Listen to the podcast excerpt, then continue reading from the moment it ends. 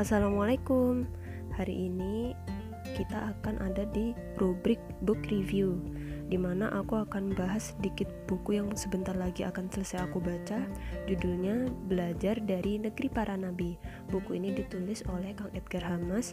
Beliau juga penggagas akun @gensaladin. Kalian bisa cari sendiri di akun Instagram beliau. Nah, yang paling ngena di buku ini menurut aku ketika beliau sedikit membahas kata ikro.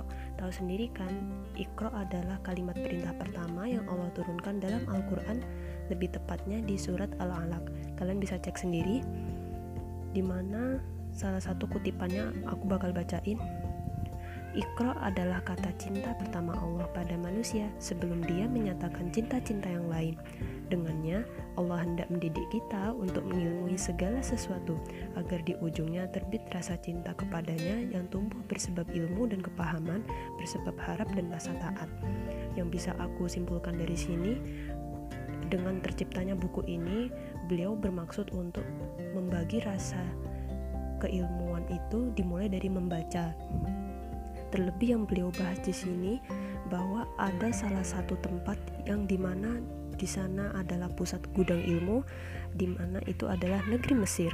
Sudah sering dengar kan, Mesir selalu terkenal dengan Universitas Al-Azharnya, juga dikenal dengan sumber-sumber keilmuannya di mana para pahlawan, juga para tokoh-tokoh Indonesia juga banyak menimba ilmu di sana. Mungkin termasuk teman-teman semua ada yang bercita-cita ke sana. Nah, sudah nggak asing lagi pasti dengan negeri Mesir ini. Tapi tahu nggak sih bahwa Mesir juga punya keunikan-keunikan dan rahasia-rahasianya sendiri loh, di mana tipikal penduduknya adalah penduduk yang ramah dan sangat mencintai negerinya. Di sana juga setiap warga dilatih untuk ikut wajib militer karena Mesir itu juga dikenal dengan kekuatannya. Tapi hari ini yang patut disayangkan Seakan-akan warga Mesir ini dilupakan dengan sejarahnya bahwa Islam pernah mewarnai negerinya, tapi justru diburamkan dengan adanya Sphinx, adanya piramida dan segala macamnya. Yang perlu kita cermati di sini, bagaimanapun hadirnya Islam itu selalu menjadi warna. Hadirnya Islam itu selalu menjadi corak di antara sekian peradaban dan peradaban yang paling cemerlang apalagi kalau bukan Islam.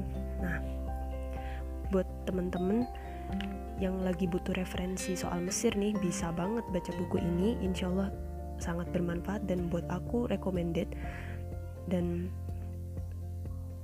bikin kita jadi lebih bersemangat lagi insya Allah bikin kita jadi lebih banyak berkaca dan belajar lagi.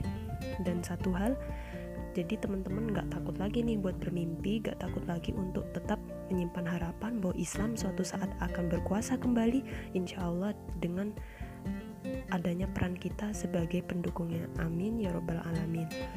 Nah begitu untuk ringkasan singkatnya selamat membaca teman-teman.